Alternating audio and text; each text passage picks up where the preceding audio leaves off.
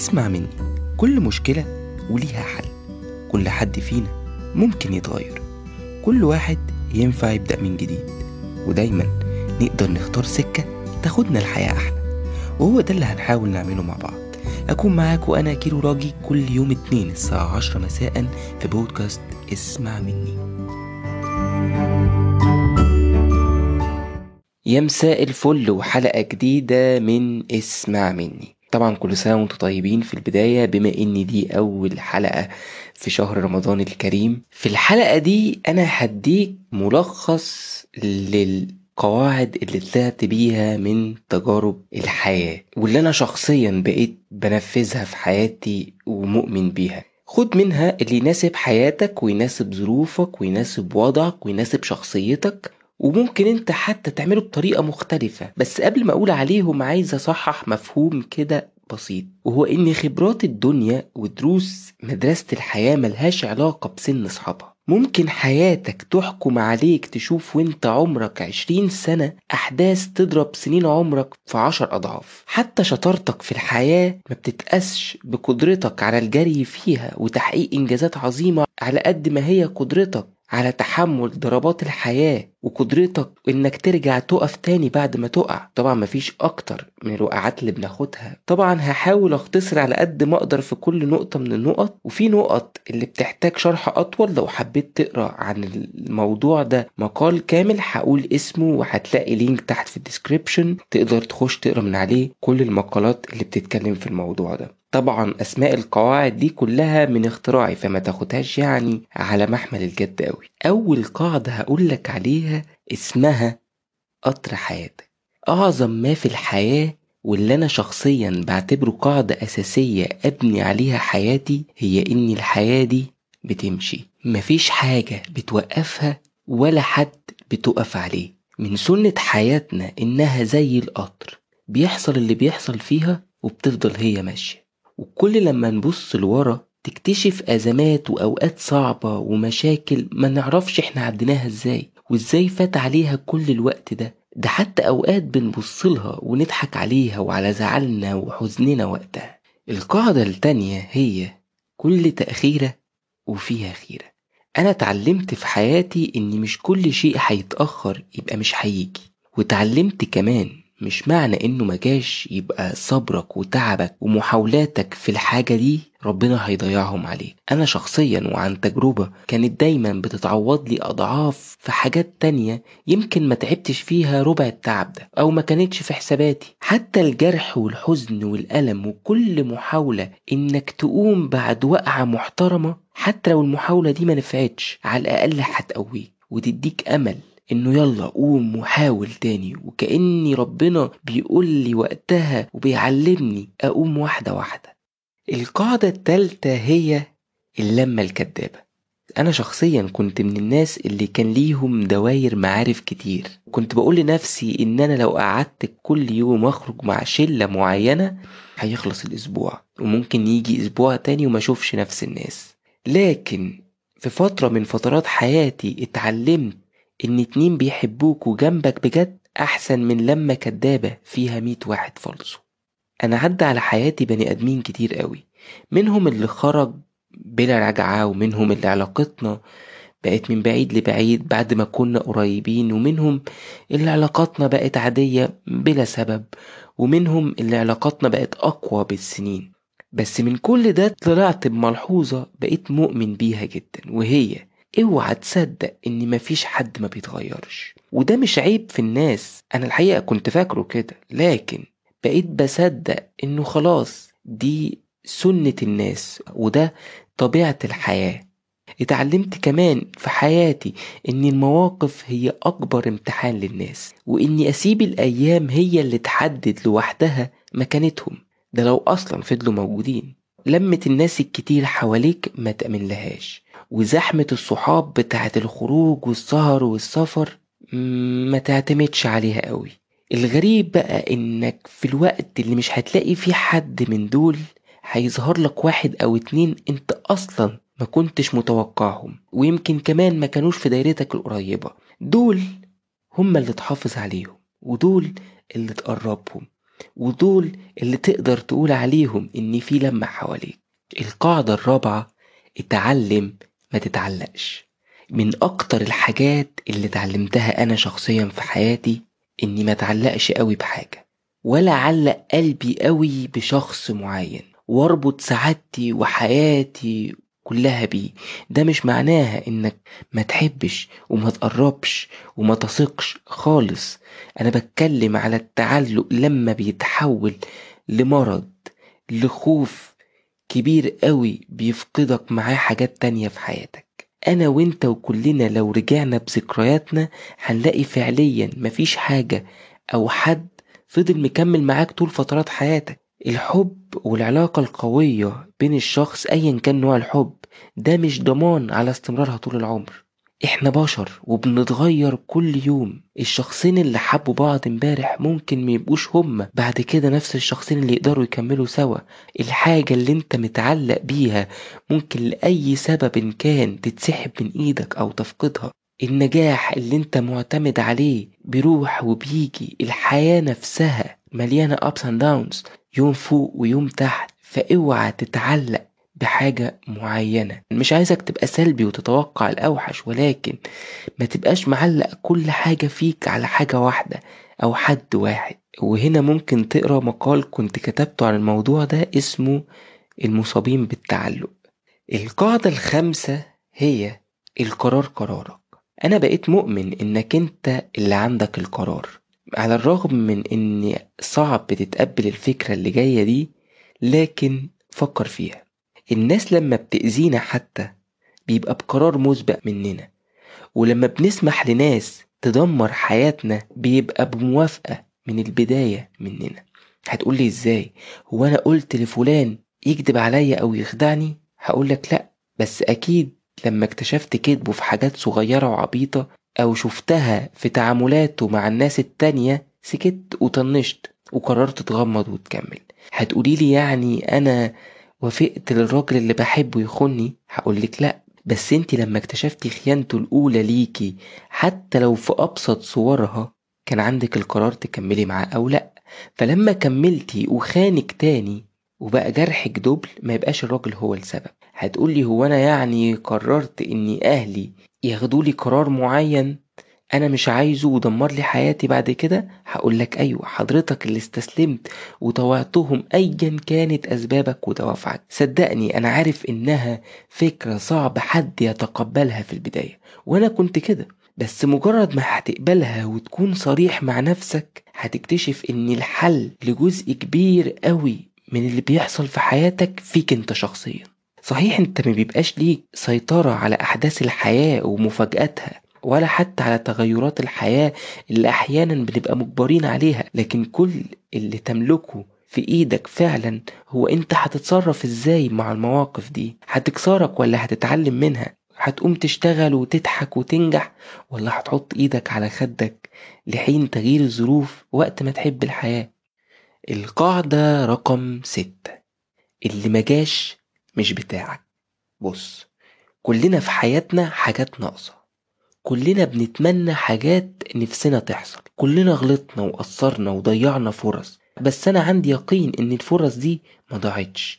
هي بس ما كانتش بتاعتنا من البداية. زي ما خدت حاجات تانية في حياتي وعمري ما توقعتها. كلنا بنشوف النص الناقص في الحياة فبنضيع النص الحلو منها. كلنا بنستنى الحاجات الكبيرة تحصل عشان نرتاح وننبسط ونفرح. فبنتجاهل الحاجات الصغيرة اللي فعلا ربنا بيحطها في طريقنا عشان تساعدنا. القاعدة رقم سبعة أنا سميتها على اسم أغنية أنا بحبها لمطرب أنا بحبه جدا اسمه محمد محي.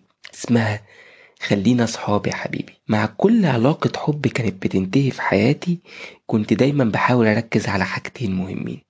أولا إني أفصل سبب انفصالنا عن علاقتنا الإنسانية. يعني مش عشان منفعناش نكمل سوا يتنسي كل الحلو اللي اتعاش ويداس كل الحب اللي اتحس أو يحاول طرف فينا يثبت إنه الأحسن والتاني هو اللي وحش وما يستاهلش. بحاول إني أخرج بعلاقتنا الآدمية على الأقل سليمة. ومن حسن حظي طبعا إني كان بيبقى في حياتي ناس بالنضج الكافي إن إحنا نقدر نطبق ده فنفضل محترمين بعض ومحترمين اللي كان ما بينا ومقدرينه ومحتفظين بيه حتى جوانا وتفضل برضو الغلاوة موجودة حتى لو خلص الحب بعد فترة. تاني حاجة هي إننا بنتفق ما نقطعش كل الحبال اللي ما بينا صحيح ممكن نكون وصلنا لنقطة مش قادرين نكمل فيها بالحب ده تاني لكن ده مش معناه إننا نمشي وكأننا لم نكن في حياة بعض. ده ما يمنعش خالص برضو إحساسنا ببعض الوجع وإننا بنوحش بعض وإننا بنحاول نرجع لبعض ونصلح لو قدرنا لكن لو منفعش منخسرش بعض خالص. عشان كده بقت أكتر حاجة بتفرحنا بعد كده إن إحنا قدرنا لما بنتقابل أو بنتكلم حتى صدفة إن إحنا قدرنا نحتفظ بعلاقة مستمرة لحد دلوقتي من سنين. القاعدة رقم 8 عم عشان مات. من أكتر الحاجات اللي بقيت أعملها في حياتي هي إني ما أتعشمش في حد زيادة ومبنيش توقعات كبيرة قوي من الناس مش بس عشان ممكن تكون أصلا أكبر من قدراتهم لكن كمان عشان حياتي أنا ما تخرجش بره سيطرتي. لمجرد عشمي في شخص ممكن يخيب أو في موقف ما يتخلى عني فيها حد منهم. أو ما يقدرش يكون موجود لأي ظرف والنتيجة الحقيقة بعد تطبيق المبدأ ده هايلة. من كل النواحي أولا ما بقيتش أزعل من حد ولا بقيت بعتمد على حد للدرجة اللي تخلي حياتي تقف عنده. وبالتالي حافظت على علاقتي بناس كتير لمجرد بس إني مش مستني منهم حاجة أو مش متعشم فيهم زيادة. القاعدة رقم تسعة اوعى تقف أبدا. عايز أحكي لكم على مبدأ كده مهم اتعلمته وغير حياتي وهي فكرة إنك تفضل مكمل. مهما بيحصل لك ما تقفش حتى لو مكمل وإنت بتتعكز على نفسك. يعني زمان أنا كنت لما بتعب أو بحزن أو بقع بفضل حبة مستمتع بده جدا. مش عايز أخرج ومش عايز أعمل حاجة. مش عايز أشوف حد مش عايز أشتغل مش عايز أتعامل مع ناس. وبفضل مستني الظروف تتغير من حواليا أو من بره عشان حالتي تتغير. بس تتوقع كان إيه اللي بيحصل؟ اللي بيحصل إني كنت بفضل مستني كتير لحد ما قرر أنا أخرج من الحالة دي وبالتالي تبدأ الحياة من حواليا تتغير. بس بكون وقتها ضيعت وقت وطاقة في الحزن والزعل والندم وضيعت عليا فرص كان أفضل لي أستغلها. وفي النهاية كنت بوصل لنفس النتيجة وهي إن مفيش حاجة هتتغير غير لو قررت أنا أتغير الأول. فتعلمت إني أفضل مكمل مهما كانت حالتي أمشي في حياتي مهما بيحصل. أقنعت نفسي إنه عادي إن أشتغل وأنا مش في المود وعادي إن أجامل حد أو أزور شخص مريض أو أروح فرح أو عزا أو مناسبة وأنا مش قادر لده نفسيا. عادي إن أفكر في بكرة وأخطط وأحلم وأنا مش حاسس بالأمل الكافي جوايا لده دلوقتي. عادي إني أضحك في وش الناس وأنا حزين وبعيط من جوه. والنتيجة إني كنت بحس أصلا بتحسن بعد كل حاجة منهم. ولو حبيت تقرأ أكتر عن الموضوع ده ممكن ترجع لمقال اسمه اوعى تقف أبدا. القاعدة رقم عشرة. الإنسانية فوق الجميع. من فترة كبيرة وأنا واخد قرار في حياتي أتعامل مع كل الناس مهما اختلفت خلفيتهم وعقيدتهم ومهما اختلفوا حتى عني في أفكارهم ومعتقداتهم. أتعامل مع المتدين دين حقيقي زي المنفتح مع المنتقبة زي المحجبة زي المتحررة اللي بشعرها. وقررت أديهم كلهم نفس الاحترام والتقدير لسبب واحد مهم وهو إنهم بني آدمين زيي وبدافع واحد فقط وهو الإنسانية. القاعدة رقم 11 ودي عايزك تركز فيها شوية. أنا سميتها قدر اللي بيقدر. أنا في حياتي بقالي فترة واخد عهد على نفسي أحاول أغير من طبعي شوية وبطل أسأل أنا طول الوقت على ناس ما بتسألش أو مش مهتمة من أصله. وبطل كمان أبرر أفعالي وليه بختفي أو بغيب وأقعد أشرح وأعتذر لناس كده كده مش هيعذروا أو يقدروا. وآخر ناس ممكن تعمل لهم حساب في حياتك هم الناس اللي ما بيقدروش. ظروف حياتنا الناس اللي بتاخد موقف أو بتتغير في معاملتها لمجرد إن إحنا اتأخرنا آه، في الرد على رسايلهم أو ما ردناش على مكالماتهم مرة وبيقفشوا وهم ما يعرفوش إحنا كنا في إيه أو حياتنا الفترة دي عاملة إزاي. الناس اللي بتلوم وتعتب كتير في أهبل الأفعال أو تبعد وتخسرك لأتفه الأسباب. في الأول أنا كنت بتضايق واحيانا كنت بحس إن يمكن الغلط من عندي أنا وأزعل على العلاقة دي بس مؤخرا اكتشفت إن المشكلة الحقيقية جوه الناس دي وعندهم في عدم عذرهم لينا. كمان افتراض البعض لسوء نوايانا في التعامل معاهم وإهمالهم لفكرة اننا بشر زيهم لينا حياة طول الوقت بناخد فيها على دماغنا زيهم بالظبط. وأوقات كتير بيبقى عندنا أسباب قوية تخلينا نقصر أو ما نردش أو ما نسألش أو ما نهتمش بالقدر الكافي. برضو المشكلة الحقيقية عندهم هم في عدم تقديرهم. وده بياخدنا للقاعدة اللي بعدها. القاعدة رقم 12 وهي وفر بطاريتك. أنا كنت واحد من الناس اللي بيضيعوا طاقتهم على الفاضي. يعني أبذل مجهود عشان أرضي ناس وبرر أفعالي وتصرفاتي. الناس ملهمش أصلا حق في ده. أزعل وأتضايق من ردود أفعال الناس اللي ممكن يبقى فيها عدم تقدير أو بنفس اللي كنت متوقعه منهم. واكتشفت إن أنا اللي خسران الوحيد في الحكاية. أنا بس اللي بتضايق وبزعل وبيتأثر على حياتي وشغلي وبضيع أوقات من عمري. عشان إيه؟ عشان الناس. وسألت نفسي وقتها سؤال هل هم يستحقوا مني كل الجهد ده والطاقة لمجرد بس إن أكسب رضاهم؟ اللي هو فعلا في النهاية واقعيا بقى ما يمثلش أي حاجة. ولا له أي قيمة. ومن هنا بدأت أبذل مجهود في إني أوفر طاقتي لنفسي وأعمل بيها حاجة مفيدة أو ما أعملش خالص. المهم ما تروحش للناس على الفاضي. القاعدة رقم 13 اسمها نظرية بجد. أنا بعد التلاتين من عمري بقيت بطبق في حياتي نظرية سميتها نظرية بجد. يعني بقيت لما بفرح بفرح بجد. ولما بزعل بزعل برضو بجد. ولما أحب بحب بجد. ولما أقرب أقرب برضو بجد. ولما أبعد أبعد كمان بجد.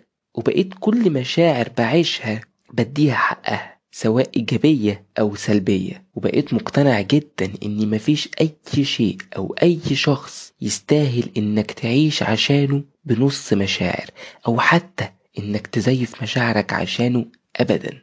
القاعدة رقم 14 وهي مقولة إنجليزية شهيرة جدا. بتقول It's okay not to be okay. يعني مش عارف أترجمها أوي بالعربي بس يعني هي سهلة. أنا شخصيا بقيت لما بعدي بحبة أيام أو فترة من حياتي مش قد كده بقبلها زي ما هي وبتأقلم معاها وبتعايش مع كل اللي بيحصل فيها كما هو وبحاول أرضى بيها وما بحاولش أحارب الحالة دي. طبعا بحاول أخرج نفسي منها ولكن ما برفضهاش. ولا برفض إحساس إني متضايق أو زعلان وبعيش المشاعر دي زي ما هي. لكن كمان ببقى متأكد إنها هتعدي زي ما عدت اللي قبلها. وده في حد ذاته إحساس بيريح قوي وقتها. القاعدة رقم 15 اسمها الحياة مش أبيض يا أسود لكن في رمادي. من أهم دروس حياتي اللي استوعبتها كويس هي إن الحياة مش أبيض وأسود بس. في مساحة كبيرة للون الرمادي في الحياة دي. في المواقف مثلا مش يا إما تطلع كسبان أو خسران لأ في أرض واسعة بينهم تقف عليها وتبقى متعادل. مش لازم الشخص اللي ما يبقاش حبيبك يتقلب عدوك في مسافة كبيرة بين الحب والكره تقدر توقف فيها البني آدمين في حياتك ويبقوا عادي بالنسبة لك. القاعدة رقم 16 بقى اسمها مفيش حاجة ببلاش. من الحاجات اللي حولت حياتي 360 درجة إني بقيت مؤمن بده جدا وبقيت مستعد طول الوقت أدفع تمن الحاجات اللي أنا عايز أخدها حتى لو مقدما. للأسف كلنا أحيانا بنبقى عايزين نخف من أوجاعنا ببلاش عايزين نغير حياتنا ببلاش عايزين نتعلم نبقى أحسن ببلاش عايزين نعيش في علاقات ناجحة ببلاش. عايزين ننجح في الدنيا في شغلنا أو في دراستنا ببلاش. عايزين المعلومات والثقافة والعلم يجولنا لحد عندنا أو ناس تديها لنا ببلاش. وده ضد طبيعة الحياة اللي ربنا خلقها. واللي بتاخده ببلاش فعلا في الحياة هو بلا قيمة. اللي بيدي قيمة للحاجة هو التمن اللي بتدفعه فيها. القاعدة رقم 17 اسمها استغنى عن خدماتهم. لو ركزت في كلمة استغنى هتلاقي فيها غنى. وده معناه إن المبدأ ده أو الكونسبت ده فيه غنى لروحك عن حاجات كتير قوي أنجح طريقة اكتشفتها في العلاقات مع الناس هي علاقة الاستغناء حضرتك عايز تمشي من حياتي؟ حضرتك عايز تزعل على الفاضي والمليان ونفضل نتعاتب وأفضل أفهمك وأشرح لك وأبرر لك؟ لا خليك زعلان أسهل. حضرتك عاجبك شكل حياتي زي ما هي أهلا بيك. ولو بتحبني وقابلني بعيوبي هشيلك فوق راسي. وبقى صدري واسع جدا لاستيعاب الحقيقة يعني دقات النقص. وما بقتش أتصدم قوي في الناس اللي بتطلع فالصو في الآخر. كمان ما بفرضش حساباتي الشخصية على الناس يعني مش لازم اللي عاشرته يصون عشرتي في الآخر زي ما أنا هعمل. ولا لازم اللي بتمنى لهم الخير يتمنهولي هما كمان. ولا شرط اللي لاقوني جنبهم في وقت ما احتاجوني ألاقيهم أنا كمان وقت ما احتاج لهم. أنا كان ليا حساباتي في حبي ليهم وهم كان ليهم حساباتهم في قلة أصلهم. القاعدة رقم 18 أنا سميتها الحب بعد التلاتين. في علاقاتي الشخصية من بعد السن التلاتين اكتشفت إن الحب وحده لا يكفي وإن التوافق والتفاهم والمشاركة والاحترام هما اللي بيحددوا علاقتك بالشخص هتبقى قوية قد إيه؟ وهيكمل في حياتك ولا هيمشي؟ حتى لو كنت بتحبه وبيحبك جدا كمان. القاعدة رقم 19 جملة أنا بحبها جدا وحاططها قدام عينيا طول الوقت وهي الله كريم. أنا بحب الكلمة دي قوي وبتأملها كتير جدا ومؤمن بيها إيمان عظيم وبجربها في حياتي وبشوفها كل يوم. من الحاجات كمان اللي غيرت حياتي بسبب الجملة دي هي إني بقيت بفكر إن كل يوم جديد هي فرصة جديدة. أمل جاي من عند ربنا. فرصة الحياة بتديها لك عشان تبدأ من جديد تاني أو تصلح المقصور فيك. القاعدة رقم عشرين ودي اللي هختم بيها وهي امسك الصورة بالمقلوب. يعني إيه؟ يعني بمجرد إنك تغير وجهة نظرك لتجربتك أو لصورة حياتك عموما ده ممكن يبقى جزء كبير من حل المشكلة اللي أنت فيها. التجربة اللي أنت مريت بيها اقلب الصورة وشوف أنت اتعلمت منها إيه. هتلاقي نفسك أكيد زي ما كان ليها خساير أكيد ليها مكاسب.